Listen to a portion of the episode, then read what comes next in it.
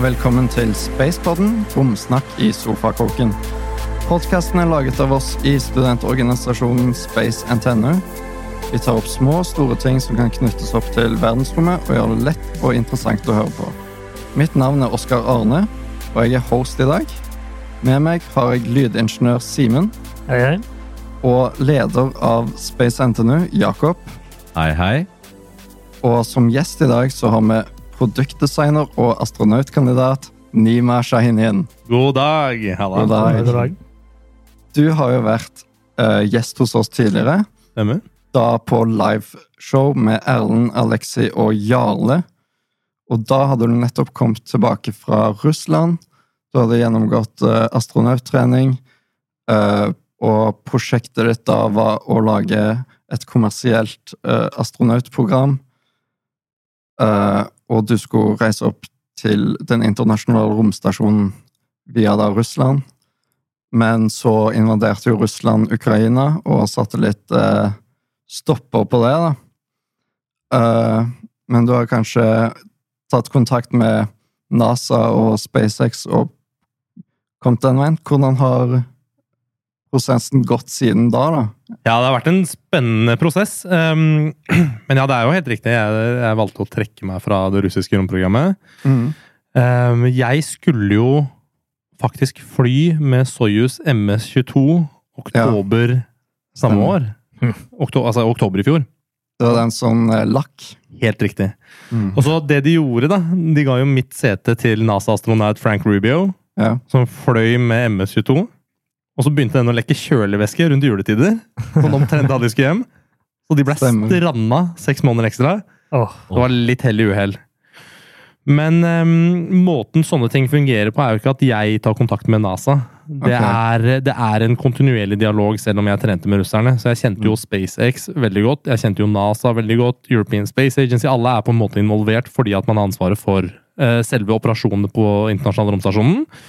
Så dialogen var veldig naturlig inn mot SpaceX, egentlig bare dager etter at jeg trakk meg. Da satt jeg i møter med SpaceX og vurderte hvordan vi kan liksom overføre min utdanning og min trening, og hvordan kan vi overføre hele prosjektet til SpaceX i stedet, og hva slags eh, oppskytningsvinduer som fins, etc. Men så skjedde det jo veldig mye etter det, da. det var en Ja. veldig grei overgang da, altså. Overgangen til ny leverandør var grei. ikke sant? Man har jo bare to leverandører. Ja. Hvis du ikke klarer å mingle deg inn i, hos kineserne, da. Det er det ingen som klarer. så, men, eh, men så overgangen i dialogen var veldig grei. Men, Mm. men den enorme utviklingen prosjektet hadde fra da til nå, Ja. Ja. det har både vært en drøm, men også en sånn konstant enorm kamp. da. For det har endret seg en del siden sist. Det er noe helt annet. Ja. Hva er det nå, da? Ja, altså, For å vite hva det er nå, så må man jo forstå hva det var den gang. ikke sant? Og Den gang så var det en iraner fra Hakadal som skulle ta med seg norske flagget opp til internasjonale romstasjonen på en russisk maskin. ikke sant? Som i seg selv er jo ganske spektakulært, for det var jo, så vidt jeg vet, ingen som har liksom vært i en romdrakt og trent på det nivået jeg fikk trent på. Men ikke bare det, men jeg trente jo også på å utføre det første kommersielle spacewalken. Altså en romvandring. Så jeg trente jo i Orland-drakt og den biten her. Det er ganske avansert trening. Ehm, men Og da skulle det være et litt sånn filantropisk forskningsprosjekt, men også et inspirasjonsprosjekt. Bare sørge for å få flagget opp. Det har utviklet seg fra det til å bli et ekstremt, kanskje et av de aller viktigste medisinske forskningsprosjektene noensinne Ja. i romhistorien. Det er kult. Ja. Så, så vi er på et nivå nå hvor SpaceX sier at det som står mellom Mars og menneskeheten, er denne norske forskningen. Da. ja, for nå er det ikke kun deg lenger. Nei. Nå er det et uh, par folk til. Ja, og det som er så spennende, er at etter at jeg trakk meg, så altså i den perioden, da, siste året, eh, gjennom 2022 fram til 23. november, så pågikk det et parallelt eh, opptak til min trening, og det var European Space Agency sin seleksjon. Jeg fant ut ganske tidlig eh, noen av de kandidatene som var med fra Norge der. Det var 313 søkere, tror jeg, eh, fra Norge. Eh, og så fant jeg liksom hvem toppkandidatene var, da. Og, og holdt ganske øye med disse her. Eh, En av de, Nils Mykleby, tok jeg kontakt med mens han var i opptak. Og spiste en lunsj og hadde et møte. Og så sier jeg til Nils at du, Jeg krysser fingrene. Jeg håper på en ESA-astronaut. Men hvis du ikke kommer inn, så ring meg, ja. og så, så, så Altså, Det han hadde jo fortjent en plass der, for dette er jo fantastiske mennesker, ikke sant? Mm. Men for mitt eget ego så er jeg jo glad det ikke kom inn, da, for da er det jeg som fikk det. ikke sant? Og så eh, falt Nils av. Jeg tipper han ble i hvert fall topp 100-kandidat. Fantastisk fyr. Dette er, han er eh, radiolog med, med spesialisering i bildediagnostikk, og en fantastisk erfaren pilot, og akropilot. Så han kan jo fly maskiner og kjenner til det landskapet. Og samtidig så, så, så kom Nils etter hvert over til meg, og så var det E2 igjen i opptaket. Ja, Han ene var da Terje Sæle, og han hadde vi øynene på, da. Ikke sant? Vi snakker om en av liksom verdens fremste nevrokirurger. Mm. Eh, han var eh, head of medical board i ESA og sjefslege i Luftfartstilsynet. Og han bare liksom Det er litt av en fyr. Ikke sant? Mm. Og, og blei topp 20 Topp 20 finalist i ESA-seleksjonen. De var, valgte 17-18 stykker. Og jeg tror at Terje ikke kom inn utelukkende pga. politikk, eh, mener jeg. For at Norge gjorde ikke så mye for å, for å lobbye han inn, sånn som mange Nei. andre land gjorde. Eh, men da satt vi ved døra og haia han inn. Det da. Ja. Ja, eh, fordi det å lobbye inn mye er det noe som er veldig vanlig, da. Ja, altså ESA sier sjøl, og det står på ESA sine nettsider, at um, eh, det er mange steg ikke sant, på disse opptakene. Mm. Og det er jo eh, altså flere nivåer av opptak. Og det de sier er siste fase, jeg tror det er femte eller sjette fase, der begynner det å bli politisk. fordi at det, nå var det 23 000 eller 24 000 søkere, eller hva det var. Ganske mange søkere. Og veldig mange blir jo sila ut og filtrert ut veldig, veldig tidlig. Eh, blir jo filtrert ut første måneden, ikke sant. Og så er det de som kommer til liksom andre fase, som er 1000 eller 2000 stykker eller noe. Da, ganske, da har du ganske bra søknad da, hvis du kommer så langt. Da er du fortsatt topp 1000 av 24 000 av, fra hele Europa. Og så går du gjennom disse fasene, og de siste fasene, da begynner å bli politikk, økonomi. De landene som betaler mest, de får eh, kandidater lettere inn. Men det er ikke garanti, men det er lettere. Og det skriver ESA svart på hvitt.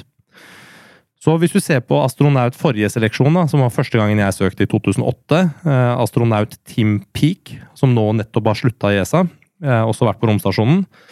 Historien om måten han kom inn på, var at ESA lå under med helt sånn latterlig lite. da. De lå under med noe sånt som 15 millioner euro i budsjett. Som, det er jo ikke mye i den store sammenhengen. ikke sant? Mm.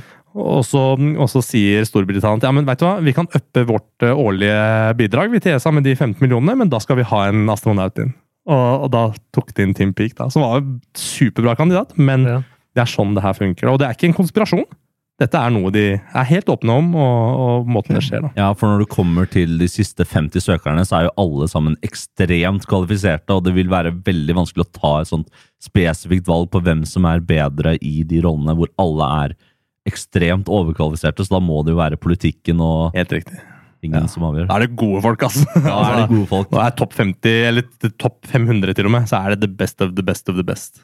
Og nå har du to av dem på laget ditt. To av de som, som jeg mener, og mange andre mener jeg, jeg vil ikke snakke nedlatende om de astronautene som er i ESA-crew nå.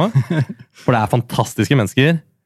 Men de to vi har, Terje og Nils, de bare overgår resten av Europa en høy gang. Og de har vi i prosjektet vårt. da. De har missa ut, altså.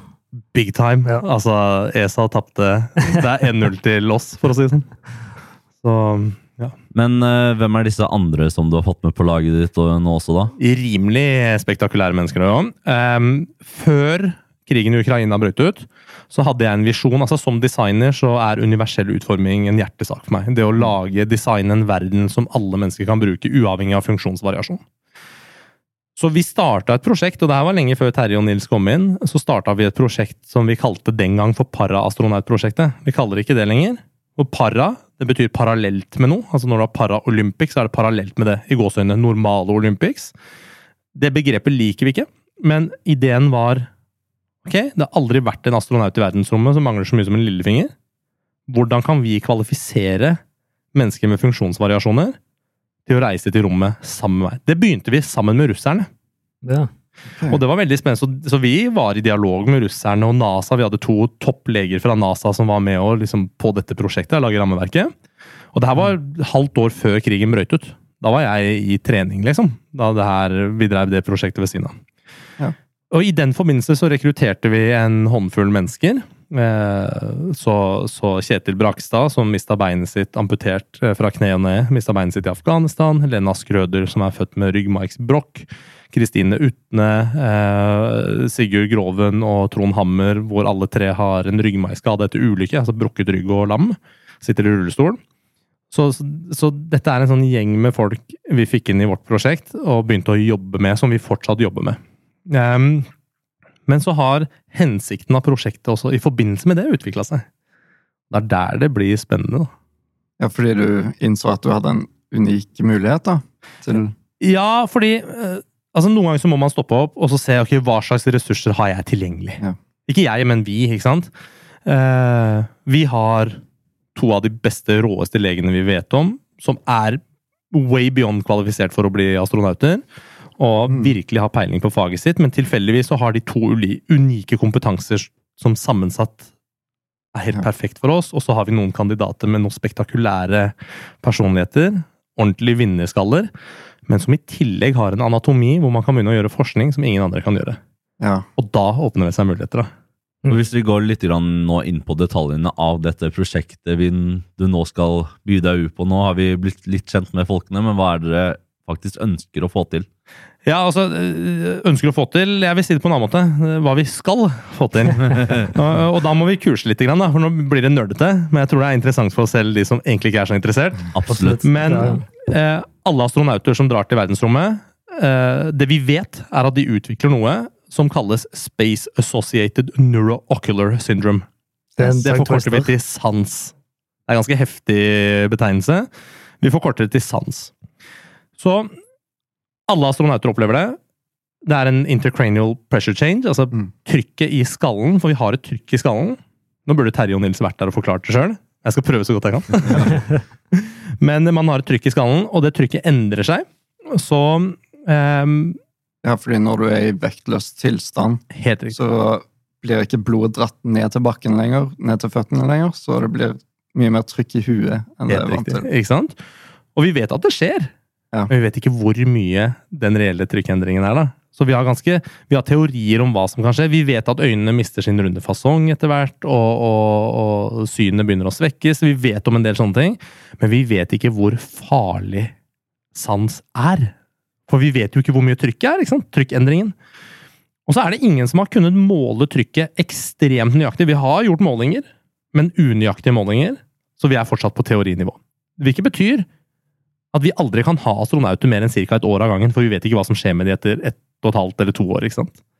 Og da er det liksom, når alle skriker om å dra til Mars, eller eh, Deep Space Exploration, eller hva det enn skulle være, så kan vi ikke gjøre det før vi løser det trykket. Så alle de store romorganisasjonene, NASA inkludert, sier at vi står overfor fire røde flagg som må forskes på og løses. Det ene er jo stråling, det klarer vi å løse med teknologi og stråleskjold og den biten der. Og så er det to som er knytta til psykologi og kommunikasjon og sånn. Og så er det tredje, kanskje det mest komplekse røde flagget å løse, det er sans. Så det er veldig etterspurt forskning, dette her, altså. Ekstremt etterspurt forskning. Og der kommer liksom våre folk inn, ikke sant. Mm. Fordi um, for å gjøre et ekstremt nøyaktig trykk, trykkmåling av skallen, så må vi plassere en sensor inn i ryggmargen til en astronaut. Og gjøre da et invasivt inngrep. Det betyr at man går inn i kroppen. Det har aldri blitt gjort et invasivt inngrep i vektløshet.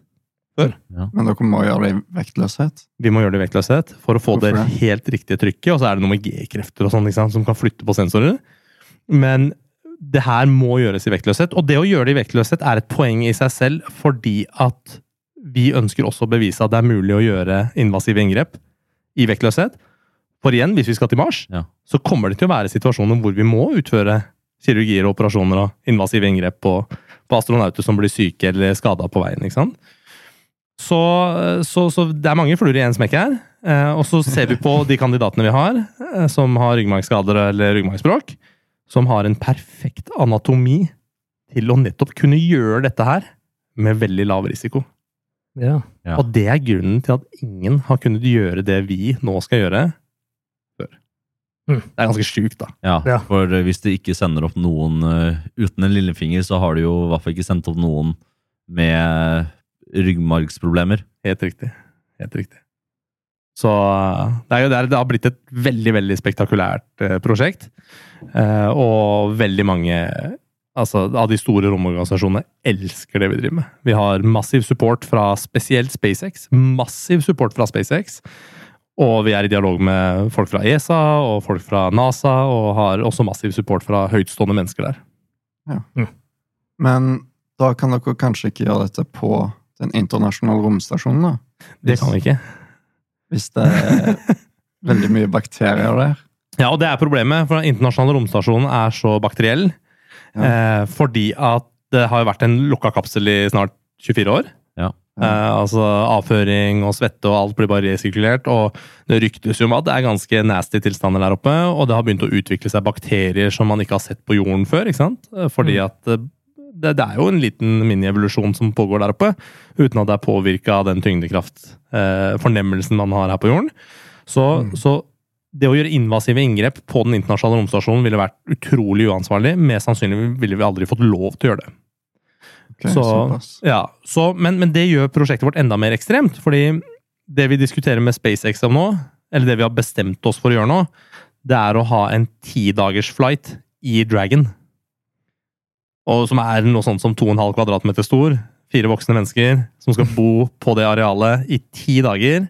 Rekorden er 2,5-3 dager eller noe. Jared Isaac Man og Inspiration 4. Og det gikk jo Det var tungt, tror jeg. Toalettet ble ødelagt og sånn. Så, så de satt med bleier hele den turen. Men, eh, men det er en ekstrem påkjenning å bo og leve og gjøre et sånn type inngrep og den forskningen vi skal i en Dragon i bane rundt jorda. Og så diskuterer vi også andre ting, da. For eksempel eh, så diskuterer vi med SpaceX om å fly på 61 grader. Som er da over Norge i Ja. inclination. Da. Ja, det hadde jo vært eh, Oh. veldig kult å både ha fire norske astronauter for første gang noensinne, Ja. og samtidig ha det over norsk jord. Og første invasive inngrep. Første menneske med funksjonsvariasjon. Altså sånn ordentlig. Uh, Og første ti dager i en Dragon. første, altså rekord på, på hvor lenge vi blir i en Dragon. Vi hadde slått rekord. Lista for rekorder er ganske heftig. da. Vi, hadde, vi tror et sånt prosjekt, altså fra et seriøst medisinsk globalt perspektiv, så ville det skutt norsk romindustri fra, fra 20 til 100 over natta, tror vi da. Det høres jo sånn ut, ja. For nå er det ikke lenger et uh, få flagget opp i verdensrommet-prosjekt. Nå er det et genuint forskningsprosjekt som alle skriker etter. Helt riktig. Alle skriker etter det. Så vi snakka med jeg får ikke lov til å si navnet, tror jeg, for vi har ikke avklart det. Men, men jeg kan si at det er en meget høytstående person som leder noen av de medisinske løpene til ESA. Som eh, hennes reaksjon da vi fortalte at dette skal vi gjøre, var I can't believe this is finally happening. Vi har massiv support fra astronaut Michael Barrett, som er en veteran astronaut og skal fly igjen nå eh, til eh, januar, tror jeg. eh, Med Soyuz-maskin til internasjonal romstasjon. Nei, med, med Dragon flyr han. Så det er vel crew åtte. Så, ja. så, så, og han regnes for å være liksom, gudfaren av medisinsk vitenskap i NASA. Så, så dette er mennesker vi prater med, og som, som er pro det vi gjør. da. Men hva, hva er det som gjør at ingen har gjort dette før? Nei, det er jo bare faren. ikke sant? Fordi at det, Mm. kombinasjonen av å ha eh, en, en, et subjekt, da, altså en person som, som har anatomien til å kunne eh, altså, eh, senke risikoen, det har jo vi med, med mennesker med funksjonsvariasjoner som vi har, som Ja. også er spektakulære mennesker. Altså, det, det her er jo ikke det er jo ikke hvem som helst. Det er ikke eh, hvermannsen, liksom? det er ikke hvermannsen. Ja. Eh, samtlige som sitter i Altså av de som sitter i rullestol i crewet vårt, er mye mer kapable enn det jeg ser der, som har fungerende bein. Altså, det her er rå folk, altså. Ja. Og, og blant de så har vi jo blant annet vi har jo Trond Hammer, for eksempel, som er Delta-politimann. Eh. En av de som var på Utøya. Ikke sant? Ganske hardcore type, som hadde en sykkelulykke. Eh, vi har Lena Skrøder, som er eneste kvinnelige hockeyspiller på herrelandslaget i, På herre- på herrelandet banker opp gutta på isen, og er i tillegg lege. Vi har Kristine Utne, som har liksom gått opp Galdhøpiggen fire ganger. Hvorav noen av de gangene er etter at hun ble lam. Vi har Sigurd Groven, som er gründer og har liksom bygd eh, verdens råeste firehjulige el, stisykkel og harding. Og så har vi Kjetil Brakstad, da, som har en annen type skade, men som er liksom tidligere soldat og vært ute i Afghanistan. Altså, dette er rå mennesker vi har. da. Mm. Så både på et intellektuelt, akademisk plan, men også fysisk. Så man skal ikke undervurdere de i rullestol. Så det er det at de har funnet gode, kapable folk som òg har den anatomien som tillater å gjøre dette på en tryggere måte enn før. Ja. Kombinert med Ja. leger som er helt rå. Mm. Og så er det én fyr oppi dette her som i tillegg er industridesigner som kan tegne og Ja. designe og utvikle utstyret. da. Som er heldige som får være med på det. Det er veldig kult. Ja. Mm. Det er veldig interessant. Uh, ja, jeg hadde litt lyst til å spørre om Du har et solobservatoriumprosjekt ja. kjøpt av eh, Snøhetta, var det det? Nei, designet av Snøhetta. Sn- Design av Ja. Snøhetta. Ja, det er de samme som lagde den nye norske seddelen, tror jeg. Det er helt korrekt. Og Operahuset og sånn, da. For ikke Ja. glemme det. Ikke glemme. Og. Ground Zero i New York. Å, Ja, ja, de har gjort masse bedre. Ja. En av verdens beste arkitektbyråer. ja, jeg lurte litt på hva, hva skjer der. Nei, altså, i i dette prosjektet, da, det prosjektet her er Det vi holder på med, er ikke et bemanna romfartsprosjekt. i realiteten. Det Vi holder på med er, vi, er en, vi begynner å bli en ganske stor organisasjon. Det vi i Mm. realiteten gjør, er å bygge en space agency. Bare at den er kommersiell og privat drevet. Så Solobservatoriet er én av de pilarene. Så det er fortsatt en del av uh, Next Step. Ja, og nå, nå er vi i et navneskifte. Next Step okay. har vært navnet på det bemanna romfartsprosjektet. Uh, og så har vi kalt paraplyorganisasjonen Arbeidstittelen har vært Spaceship Norway. Det er det som har vært Oh. paraplyorganisasjonen. Okay. Mm. Så under den paraplyorganisasjonen så har vi flere pilarer. Vi har Solobservatoriet, eh, som Mm. jeg skal fortelle om nå. Og så har vi bemannede romfartsprosjektet, og så har vi Vitenskapspilaren, hvor sansforskningen og de går under, som kobler seg til bemannede romfartsprosjektet. Og så har vi en startup oh. Som nettopp har begynt. Mm. Fordi at jeg er jo industridesigner, så vi har jo akkurat starta en Er dere klare? Ja, vi er Ja, ja, veldig ja. klare. En EVA Spacesuit Startup. Ah, Dere skal vi- lage romdrakter? Vi har begynt å designe og utvikle en EVA uh, Planetary Exploration romdrakt. Som vi har ambisjoner om å konkurrere mot Axiom Space in XM. for månen. For, for månen og eventuelt Mars seinere. Men vår skal bli så sinnssykt bra at eh, du skal kunne bruke den i orbit også. Så, Ja. så det er også en av pilarene. da. Så, så, og, og det her utvider seg jo drastisk hele tiden. Eh, vi er i konstant utvikling. fordi hvis du ser på NASA som verdens største romorganisasjon altså Vi kommer aldri til å bli NASA, selvfølgelig. Men vi vil ikke bli NASA heller. For det er byråkratisk og tungt, og sånt, men det er også veldig mye fantastisk som kommer ut derfra. selvfølgelig. mm. Men, men hvis du ser på, du har én organisasjon i kjernen som driver med forskjellige forretningsområder. Noe er forskning, noe er eh, hardware development. ikke sant? Og så, ser vi nye ideer. Vi har en evalueringsmetode. Så når noen har en god idé, så ser vi om det passer inn i helheten av det vi driver med. Og i det tilfellet her så er jo spacesuit development er fordi at det er et enormt marked for det. Det er et desperat marked for det. Og jeg er tilfeldigvis en fyr som har vært eh, litt grann i akkurat den type EVA-suits, og tilfeldigvis er industridesigner, som var en perfect match. Og at vi har eh, mennesker med funksjonsvariasjoner, og har lyst til å lage en romdrakt som matcher fremtidens mennesker i verdensrommet som kan tilpasse. Skjønner dere? Ja, ja. Det er synergier, ikke sant? Det er røde tråder mellom alt. da. Men Solobservatoriet er eh, det var, Jeg var booka til en gig, og det var å åpne eh, premieredagen til den nye Dis Eller nye og nye, nå er den jo et år gammel, da. Mm. Men, eh, men Disney-filmen eh, Lightyear. Ja, og der hadde de leid inn en annen fyr òg. En litt sånn skalla fyr med litt for stor hjerne for sitt eget beste. Det er Vegard Reko. Ja. Eh, Vegard Reko er astronom. Eh, en person jeg har hørt om. Han hadde hørt om meg. Vi hadde aldri møttes.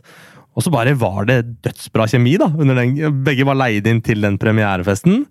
Og så møttes vi igjen tilfeldigvis på en ny gig, hvor vi var leid. Vitensenteret i Stavanger eller et eller annet sånt. Jeg husker ikke hva det var engang. Og så blei vi sittende og snakke, og så sier Vegard du, du veit det observatoriet som du har vokst opp ti minutter unna og masse liksom bilder fra da du var barn i?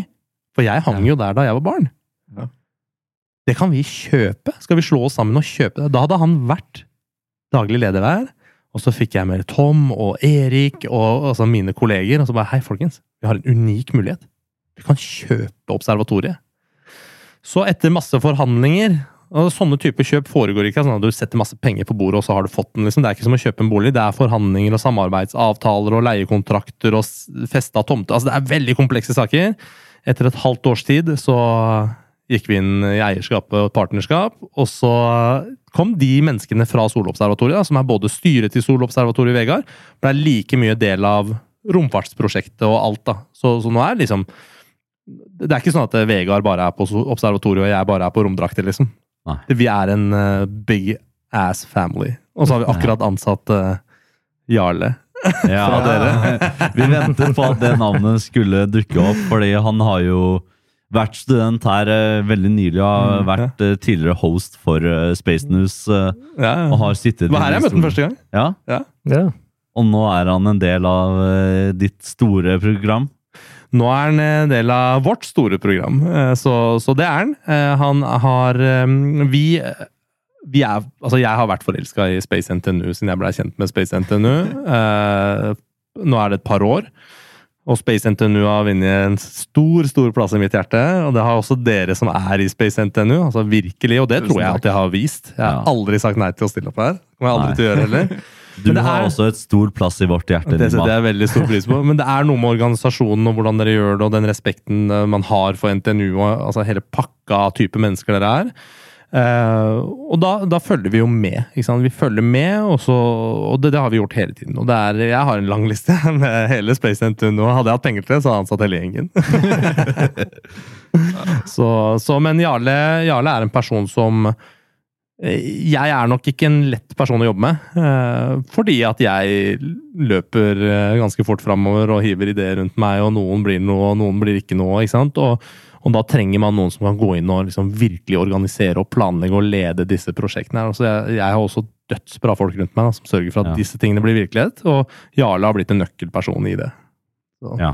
Og hva er hans rolle nå, egentlig? Han er CTO, som er da Chief Technology Officer. Eh, så, så vi haia han tilbake. Nå har han vært hos ESA litt, grann, på astronautsenteret. Jeg var der i sommer og besøkte han og klarte å overtale han litt. Og jeg tror han har vært keen men han, han er jo beinhard. vet du. Han stiller jo krav, han òg. Ja. og det var sånn her Ok, jeg blir med, men da må jeg få lov til å gjøre ting på min måte. Jeg var, ja, ja, selvfølgelig. Det er derfor du er her. Eh, og så, og så blei vi enige om eh, om at han skal komme over til oss. da. Så I november så kommer han tilbake til Norge og begynner hos oss fullt. Men han har jo begynt nå. Du plukker jo alle nordmenn fra NASA. Nei, ESA. ESA. Ja, det er, Akkurat det er bare tilfeldig. Så ESA har mye bra folk. Eh, NASA har mye bra folk òg, men, eh, men eh, akkurat nå så er jeg mest opptatt av å rekruttere for det meste fra Norge. da. Men, eh, men det handler om bare å samle dødsbra folk i organisasjonen. da. Og, og bygge visjonen videre. Det er veldig greit å bare få Norge inn i, i europaspillet skikkelig, liksom. I verdensbildet, mener jeg. Ja. da. Altså, Norge har Hvis du ser på hva dere gjør her da, på NTNU, Mm. og, og hva altså, Dere bygger jo raketter, folkens. Ja. Ikke sant? Hvor sjukt er det? Dere har en satellitt i rommet som tar bilde av seg sjøl! Det, altså, det er jo ganske sjuke ting dere gjør. Um, og norsk romindustri er egentlig en fantastisk industri. Du har jo Kongsberg og Kaas, og alle disse insane kule tingene som skjer, og Space Norway sin utvikling, og det er en fantastisk industri, Mm. men vi har ikke vært flinke nok til å bli synlige. Ikke sant? Ja. Uh, og det, det er et resultat av hva slags type politikk og økonomi, økonomisk system vi har. Mye av det er jo veldig bra. ikke sant? Allikevel så tenker vi at Norge fortjener ikke bare å få en plass i det store verdensrommet, men ta eierskap til noe av det råeste, som er f.eks. sansforskningen. Mm, Tenk om absolutt. Norge blir den nasjonen som gjør det mulig å dra til Mars. Ja. Det, er ganske hadde jo vært helt fantastisk. Ikke sant? Og det ligger jo i blodet til, til Norge. Ja, Norge har jo vært en romfartsnasjon veldig mye lenger enn folk egentlig oh, ja. tenker på. Fordi man tenker på Russland og USA og sånn. Men Norge var faktisk det fjerde landet i hele universet, eller hele planeten, som sendte opp en rakett. Og universet. Ja, og universet for så vidt. eh, Som sendte opp en rakett fra Andøya. Ja, ja. Fordi man kan argumentere for at uh, Tyskland sendte opp en uh, V2-rakett i rundt 1940-tallet, men uh, Ja, med noe småkryp i og sånn. Men, ja. men, men poenget med Norge er Altså, Norges romfartstradisjoner strekker seg etter mine begreper ganske mye lenger. da. Og Jeg husker jeg var her, og da holdt jeg en tale. Eh, hvor i den talen så sier jeg at eh, det var den gang det var veldig mye bråk rundt maleriet av Leiv Eriksson som hang på Nasjonalmuseet. Og bare for å fortelle folk den storyen, så, som jeg mener er en ganske sterk story, er at Leiv Eriksson var en viking. Jeg husker ikke om han var dansk eller norsk, eller hva, viking i hvert fall, da, som, ja, ikke sant? som seilte over Atlanterhavet og fant Amerika.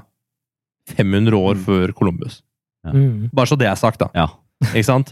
500 år før Amerika i gåseøyne ble funnet, Ja. så var vikingene der allerede.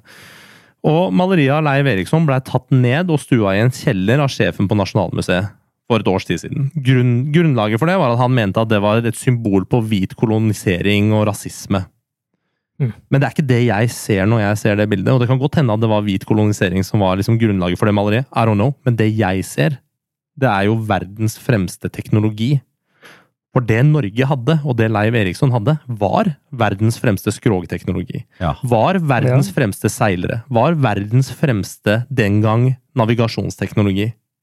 Det er derfor de klarte det. Norge var en teknologinasjon. Og det får man gåsehud av å tenke på i dag. Norge, Så- verdens så- beste ut, utforskere. Verdens beste utforskere. Nordmenn seilte over Atlanterhavet, folkens. 500 år før Kristus. Og det er teknologi og stamina som gjorde det. Så hvis noen spør meg hvem som skal seile gjennom universets mørke, så er det nordmenn. Med den teknologien vi har i dag, da. Det er så vakkert. Ja. Det gjør meg stolt av å være norsk, rett og slett. Ja, selvfølgelig skal du være stolt av å være norsk, men da må vi også etablere Norge og ta den posisjonen vi fortjener. Mm. Og ikke bare det, men vi tar den posisjonen med en diversity som er helt unik. da. Vi har meg, som er norsk-iraner. Mm. Vi har Terje og Neil, som er leger. Vi har en kandidat med funksjonsvariasjoner. Altså, dette skal vi gjøre. Det blir bra. Nydelig. Eh, Det er jo sykt viktig å få formidla dette til pub publikum og vanlige folk, da.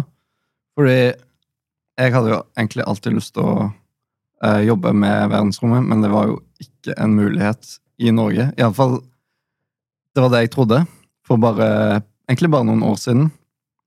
Før jeg eh, ja, begynte å høre på podcaster og Romkapsel og Space NTNU. Eh, men det er jo bare sjukt viktig at folk får vite om dette her. Så eh, ja, hvordan skal du nå ut til folk? Altså Vi eh, alle sammen gjør det vi kan for å kommunisere dette budskapet. Vi, Mm. Jeg tror det her er første gang vi snakker åpenlyst om sansforskning. Ikke fordi det er hemmelig, i det hele tatt, men, eh, men vi har ikke hatt en riktig arena å gjøre det på. Jeg tenker at det her er en veldig viktig start. Ja. Så vi ønsker å gå ut, og, og til den dag i dag så er det mange som tror at mitt romfartsprosjekt bare ble lagt på is. De skjønner ikke at det har Mm. utvikla seg til å bli et massivt prosjekt. da. Men det er klart at eh, vi trenger support. Vi trenger support fra Norge. Vi har muligheten til private investorer. Eh, jeg kan si så mye at eh, vi takka nei til halvannen milliard kroner nå i sommer. Forhandlinger i slutten av juni. 29. og 30. juni satt jeg i München i forhandlinger med, med en eh, internasjonal østasiatisk investor som ville betale for to norske oppdrag. Hvorfor takka du nei? Ja, hvorfor takka du nei til det? Um, Så mye penger. Det handler om hvor vedkommende var fra. Eh, Det er punkt én. Vi satt med harde forhandlinger. SpaceX fløy inn fra To representanter fra SpaceX fløy inn. Jeg og datteren min Micaela var på vei til sommerferie med bil gjennom Europa, så de fløy inn der vi var. Og det var tilfeldigvis i München den dagen. Ja. Eh, og denne investoren, som, som er østasiatisk, men, men fra en nasjon som vi politisk ikke kan stå inne for å støtte. Um, det er begrensa hvor mye jeg får lov til å si, men dere skjønner jo Ja. uh, hva vi snakker om her. Eh, men dette er en person som er god for Hadde han bodd i Norge, så hadde han vært topp fem rikeste, ja, topp tre rikeste menneskene kanskje i Norge. ikke sant? Men, så det er en person med veldig mye penger som hadde lyst til å kjøpe to romoppdrag mot at han fikk blitt med på en av de. Og det valgte vi å takke nei til av etiske grunner. Samme grunn som jeg trakk meg fra russiske programmet. Så, så Mm. etikken vår er veldig viktig. Samtidig så er det også en annen side ved det, og det er noe med hvordan den forskningen forvaltes seinere. Så hvis vi har private investorer som kommer inn og gjør den forskningen, så vil den forskningen være vanskeligere å kunne eh, styre ut sånn at det gagner menneskeheten, enn det vil være hvis du havner i fanget til noen som vil gjøre business ut av den, og sitte på rettigheter og, Ja. og, og patenter og. Ikke sant? Så, så for oss så er det at Norge som nasjon eier prosjektet, er veldig viktig. Og da er vi heller villige til å takke nei til en østasiatisk investor med veldig mye penger. Ja. Altså, det var flere møter, da. Så han fløy først inn til München, og så fløy han seinere ned og møtte meg i NIS en uke etterpå. Så det var jo helt sånn Hvordan vi holdt på, var jo sprøtt, da. Nå i Men sommer. eh, hvordan går da forhandlingene, hvis du kan si bitte litt om det med nasjonen Norge? Eh, Forhandlingene Nasjonen Norge er en veldig veldig seriøs nasjon. Altså, ja, vi leser i nyhetene om eh, politikere som eh, handler aksjer og, og driter seg ut og gjør disse tingene her. Jeg kan også røpe at vi, vi var i dialog med Ola Borten Moe faktisk en uke eller to før situasjonen med han skjedde nå i sommer, hvor han måtte gå av pga. ulovlig aksjehandel. Ja, vi ser sånne ting. Det vi også ser, da, er at Norge er en nasjon som er irriterende flinke. Og det er jeg glad for. Fordi at prosessene går treigt. Det er irriterende for oss, for vi er ivrige på å få dette til. Samtidig så ser vi at de mekanismene som gjør det, er jo nettopp der for å slippe korrupsjon. Og slippe politikere Ja. som putter penga i lomma. Og, ikke sant? og slippe at de som kjenner noen som kjenner noen som kjenner noen, er de som får prosjektene sine gjennom. Så, så Norge er en veldig ordentlig nasjon. Vi har ting på stell. Så forhandlingene med, med, med Norge, altså AS Norge, går framover. Det går litt treigere enn vår tålmodighet tilsier. Samtidig så blir vi ganske stolte av hvordan Norge gjør ting på en ordentlig måte, da, og ryddig. Så, Men vi har jo vanvittig god dialog, ikke sant. Altså, Vi har jo Igjen, da. Vi ser på oss selv som en del av den store romfamilien og har enorm respekt for både romindustrien og Norsk Romsenter og, og departementene og er i gode dialoger. Så Ja. Eh, Na, en ting jeg liker med NASA, er at de slipper jo ut alt, absolutt alt de gjør av forskning, og det er veldig lett å mm. finne fram og sånt. Er det noe sånt du ser for deg med Norge, da? Absolutt. Eh, Jeg ser for meg at, eh, at det vi finner ut, alle funnene våre, skal være tilgjengelig. Det skal være tilgjengelig Jeg har alltid vært åpen om hele reisen min, f.eks. Vi kommer til å være åpen om reisen vår framover. Vi kommer til å ta det å dele det vi gjør, på alvor. Noen ting er NDA-basert. Vi kan ikke snakke om det. F.eks. priser hos SpaceX og hvordan vi ligger an. Og, og det er begrensa. Vi får jo ikke lov til å dele bilder fra innsiden hos SpaceX i Hawthorne der vi har vært. ikke sant? Og det, sånne ting er superstrengt. Jeg tror jeg har fått ett bilde vi har fått lov til å dele fra ikke sant? Og det, disse tingene er, og det bildet tok to uker å få tilsendt. Ja. Så, så det er ikke sånn at vi bare altså, Så noen ting er konfidensielt. Eh, de, tingene, de fleste tingene som er konfidensielle, vil miste sin konfidensialitet det øyeblikket det er gjennomført. Så da kan vi åpne for det da. Og de tingene som ikke er konfidensielt, kommer vi til å dele og være åpne av. Være helt sånn open source fra, fra starten. Da. Ja. Mm. Så vil du være åpent gjennom hele løpet av prosjektet? Ja, så langt vi kan. Ja. Ikke sant? Ja, ja. For det er viktig. Det er viktig for å inspirere, det er viktig for å kommunisere hva vi driver med. Eh, og viktig for oss også, ikke sant? å rekruttere gode folk, sånn at folk skjønner hva vi driver med. Men også det å inspirere studenter eller andre som har lyst til å gjøre spektakulære ting. For det er mulig. Absolutt. Så, Men så, hva er eh, noenlunde tidslinjen på dette prosjektet? Både da det menneskelige og solobservatoriet og denne nye romfart, romdrakt... romdraktoppstarten? Ja. Romdraktoppstarten, den har jo starta. Ja. Så, så da er vi i utvikling. Vi, det er jo en startup. Eh, Vi trenger veldig mye penger. Vi er i dialoger med ESA, vi er i dialog med private, bl.a. et dansk venturefond. eh, Som, som eh, med stor sannsynlighet går inn og finansierer eh, noe av utviklingen. Og vi ser også etter andre investorer, så, så det er vi åpne for.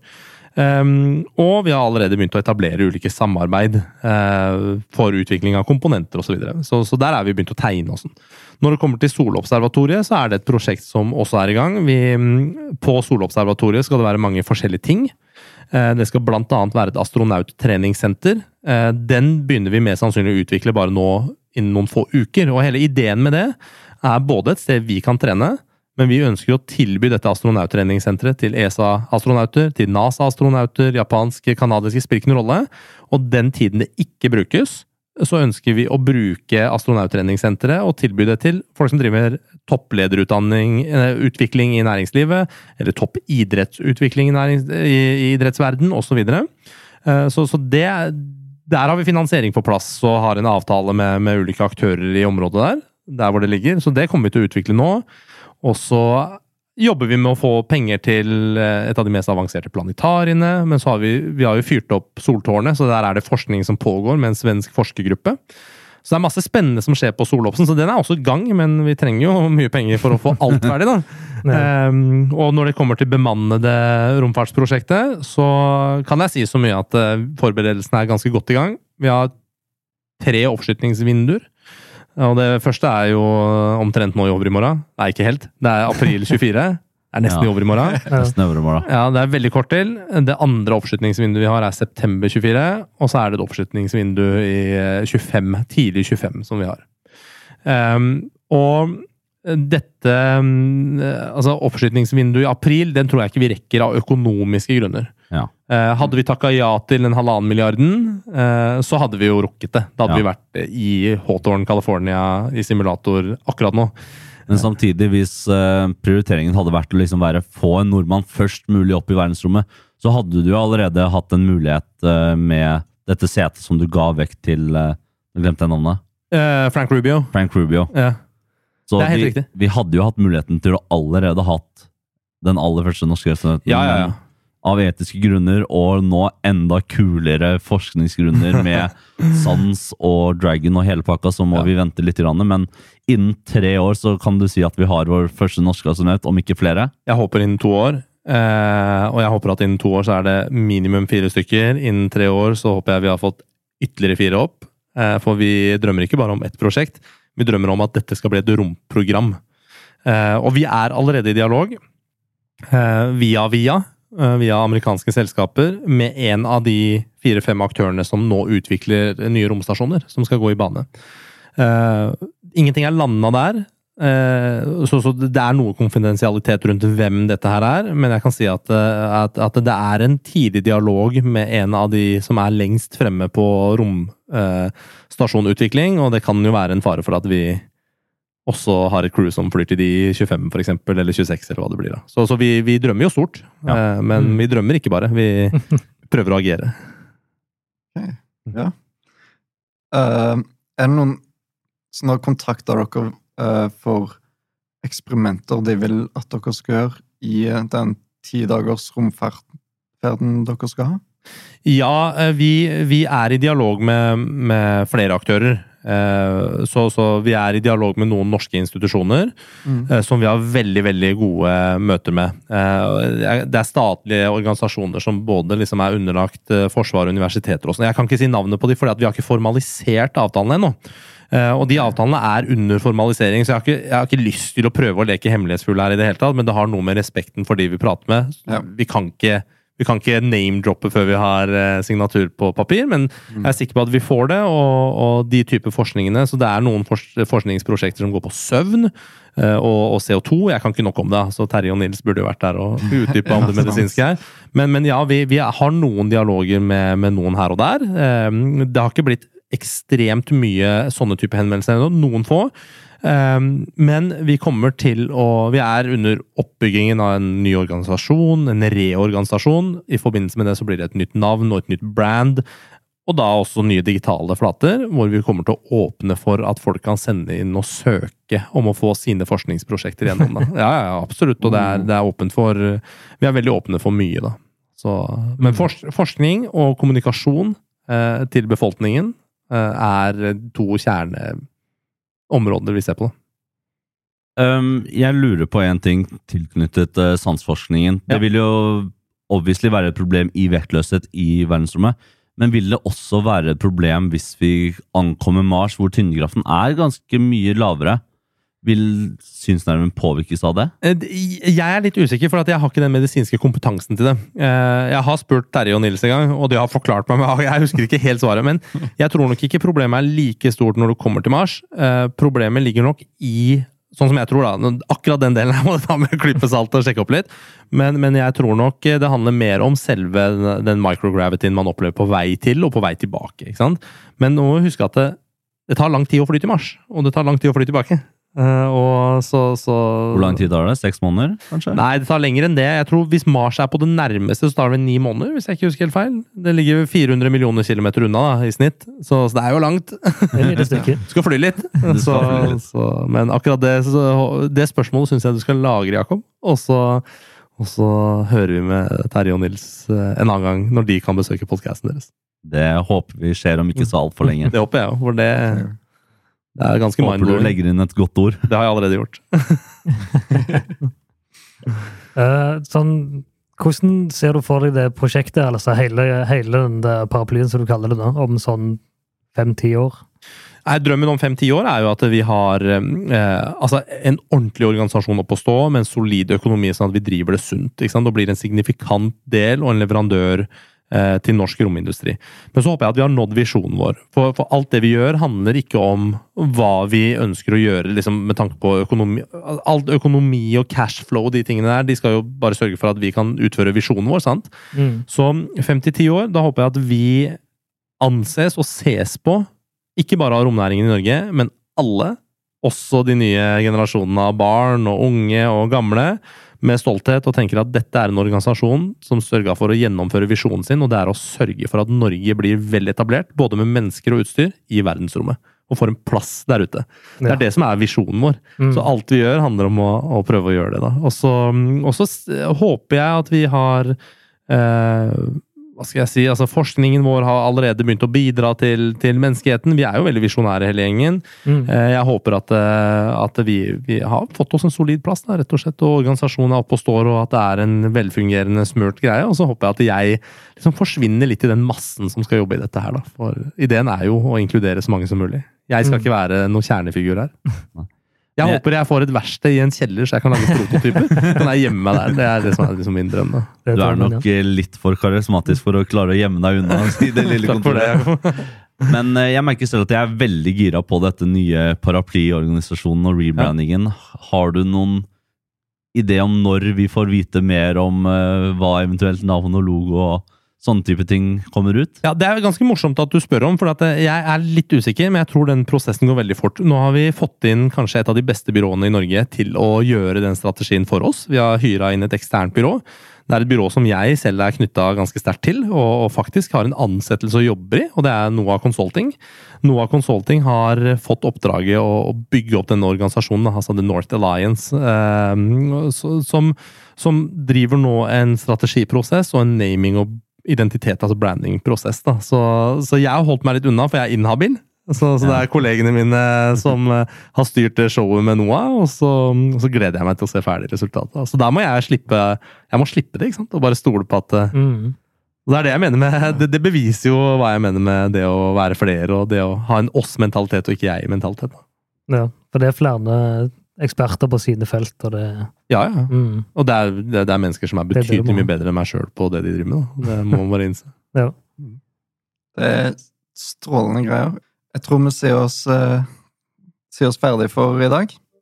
Tusen takk, Nima Shainian, for at du ble med i dag. Det var jævlig hyggelig. Veldig kjekt. Ja.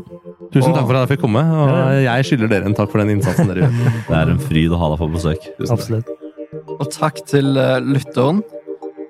Vil du høre mer av Spacepodden, så sjekk oss gjerne ut på din prefererte uh, podkastplattform.